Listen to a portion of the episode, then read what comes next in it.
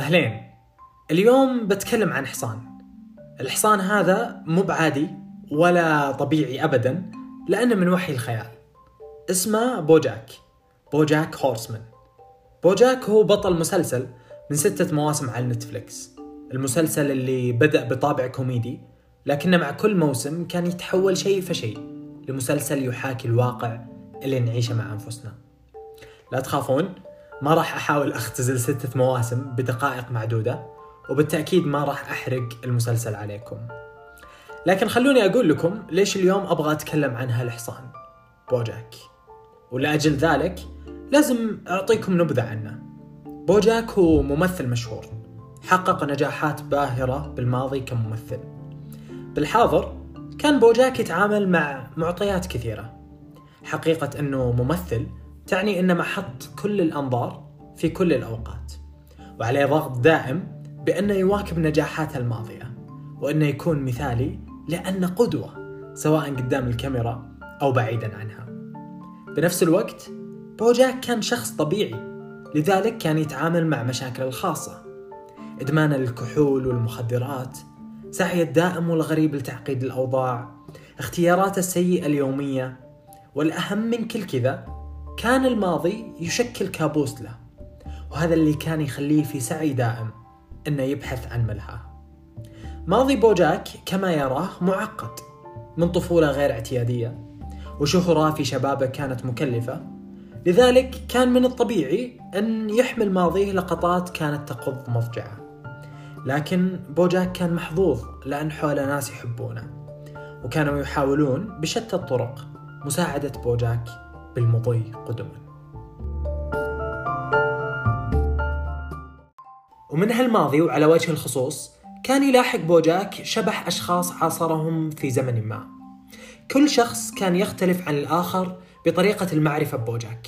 وبأي زمن تلاقوا وكيف ولا افترقوا يختلفون تقريبا في كل شيء. لكن بوجاك كان يجمعهم بأنه يشعر بشعور موحد تجاههم. الشعور هذا كان شعور الندم. بوجاك الحصان كان يشعر أن أخطأ تجاه هالأشخاص كانت النهاية غير سعيدة بل في حالات كانت النهاية مأساوية. شعور الذنب هذا كان يرافقه بكل لحظة يشوفه في كل مكان. وبينما الماضي كان يلاحقه بوجاك نسى أنه هنا بالحاضر يعيش. ولمساعدته على النسيان بوجاك استخدم كل ما يقع بيده كملها. ولما ما كان يقدر يلهى عن ماضيه باستخدام الأدوات المعتادة بوجاك استخدم الناس اللي حوله أعز أصدقائه وأكثر الناس اللي يحبونه ويتمنون له الأفضل كأداة كملها وبدون ما يشعر بوجاك كان كأنه يركض في دائرة يكرر الماضي يكرر نفسه. الفارق إنه يفعلها مع ناس جديدة. لكن لأنهم يحبونه كانوا يصبرون. كانوا يحاولون وبشتى الطرق إيقاظ بوجاك من غفلته. جره من عوامة الماضي لأن الحياة هنا الحياة الآن. لكنهم يكتشفون أنك ما تقدر ولا تستطيع أنك تنقذ شخص متخصص في تدمير نفسه ومغرم في تكرار الأخطاء. وبعد أحداث كثيرة ومسيرة عامرة باللحظات المؤسفة ومستقبل مليء بالشكوك بناء على حاضر مخجل. اكتشف بوجاك إنه أوه كان عندي ناس رهيبة حولي يصلحون أخطائي بدون ما أدري. وين راحوا؟ بيتي كان مليان ناس. ليش اختفوا؟ أنا كنت محظوظ صح؟ ويبدأ الحصان الأربعيني في رحلة السعي إلى المغفرة والخلاص. يروح ويطق باب الأشخاص اللي كانوا حوله ويقول أنا آسف ممكن نفتح صفحة جديدة؟ ولأن الأمل حق مشروع لكل شخص. بوجاك كان يأمل بصفحة جديدة. كان يأمل ويسعى أنه يعود مع الأشخاص لنقطة الصفر للمربع الأول. آسف ما كنت أعرف أني مؤذي.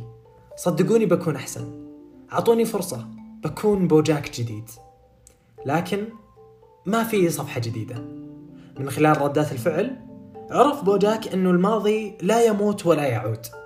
الأذية اللي سببها بوجاك الأشخاص اللي حوله بتبقى. ما راح تروح. وحتى لو كانت عنده كاريزما خارقة جدا إنه يقنع الأشخاص باعطائه فرصة جديدة الماضي راح يكون إرشيف جيد لهم كدروس مستفادة للتعامل مع شخص مثل بوجاك إنه هذا الشخص الماثل أمامهم جرحهم في يوم من الأيام وإنه قادر على إنه يفعل نفس الشيء بالمستقبل.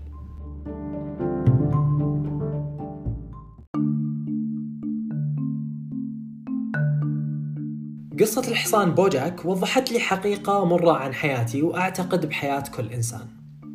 أنه خلال هالرحلة رحلة الحياة وفي هالسعي الحثيث للمضي قدما مروا علي بحياتي ناس رهيبة.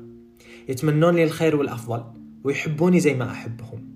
شكلوا فصول جميلة جدا من حياتي. لكن بشكل أو بآخر ولسبب أو بدون سبب أذيتهم. وأيا كان نوعية الأذى ومداه إلا أنه خلق نفس التأثير على هالأشخاص. وهو أني لمست قلوبهم بشيء لن يستطيعوا أن يجعلوه كما لم يكن. هذا الأثر السلبي سيبقى. لما أتذكر هذه الأحداث وهؤلاء الأشخاص. أحاول أتذكر ردود فعلي الأولية. كانت تختلف من النكران لتعليقات مثل هو الغلطان؟ الواحد يشتري راحة نفسه. وأحيانا كنت أسكت وأحاول أنسى. تختلف ردود الأفعال الأولية لكن يبقى الإحساس نفسه. أني بذاك اليوم آذيت شخص عزيز جدا ومهم جدا في حياتي وليتني أقدر أعيد اليوم من جديد.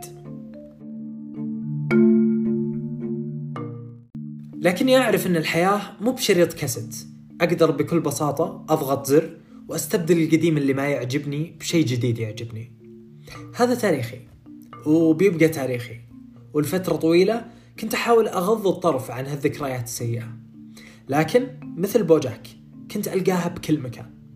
وبينما أنه الضمير نعمة لأنه يعمل كمؤشر وموجه للأفعال الجيدة لكنه يتحول لنقمة إذا صار بهالشكل بهالشكل السلبي.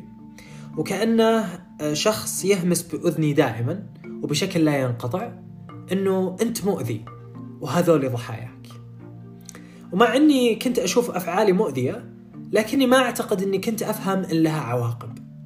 ما كنت أفهم أنه لازم أقر بذنبي أني لازم أطالع الشخص بعينه وأعتذر له.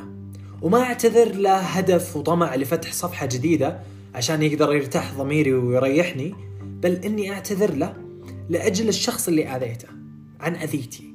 ما في أي إنسان بهالعالم يستحق الأذى بدون سبب فما بالك بالناس القريبة منك. والجانب الكبير اللي ما كنت أفهمه أنه لازم أعيش وأتعايش مع عواقب أفعالي وردات الفعل. من حق اللي قدامي إذا سمع اعتذاري أنه ما يقبله. من حقه أنه يقول محمد مقبول اعتذارك ومقبول ما جاء منك. لكن ما أقدر أعرض نفسي للأذية مجددا. ويقوم ويرحل للأبد. ومن كامل حقه أني لما أطق الباب ما يفتح.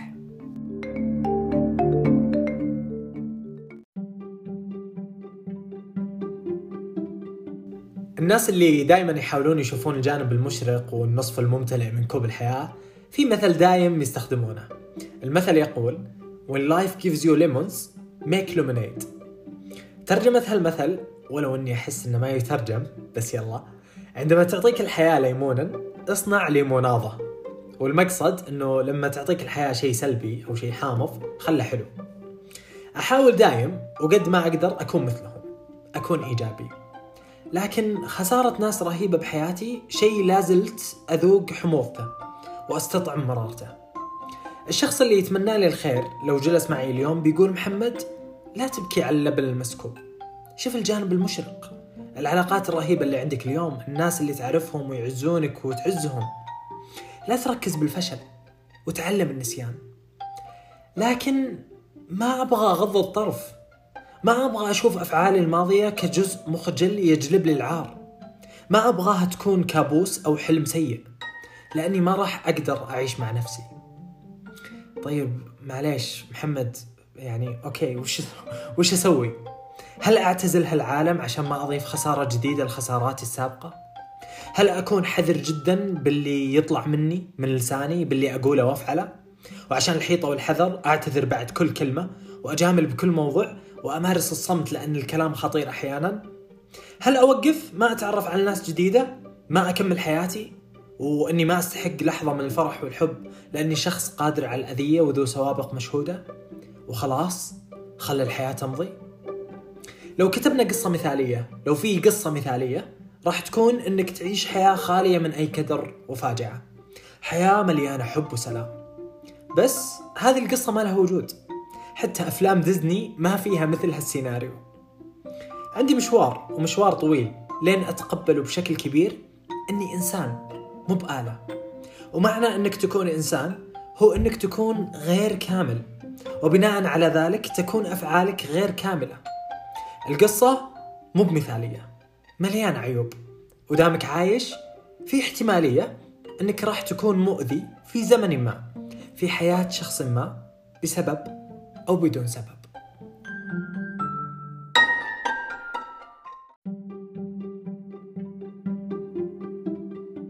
ورغم هذه الاحتمالية الحتمية واللي ما يمكن أبدا استبعادها إلا أني أعتقد أننا لازم ما نخاف.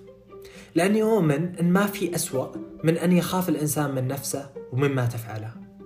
لأن لما نخاف نصب كل طاقتنا وجهدنا في تحجيم أنفسنا. وصناعة نسخة مزيفة تعيش حياتنا بدالنا. ونكتشف بالنهاية أننا عشنا حياة وهم. بوجاك هورسمان شخصية خيالية في مسلسل مصنوع من خيال كتاب لكن بشكل أو بآخر لمس حقيقة أنه في ضريبة ندفعها.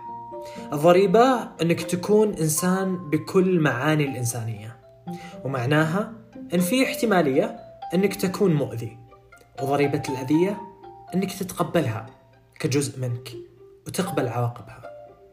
نشافتي العزيزة ما في صفحة جديدة.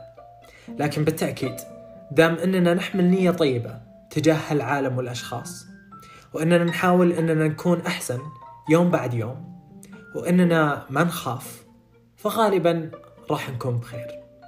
أتمنى لكم يوم سعيد. يهمني جدا أسمع رأيكم عن هالموضوع. أنا محمد الشملان وهذا بودكاست النشافة.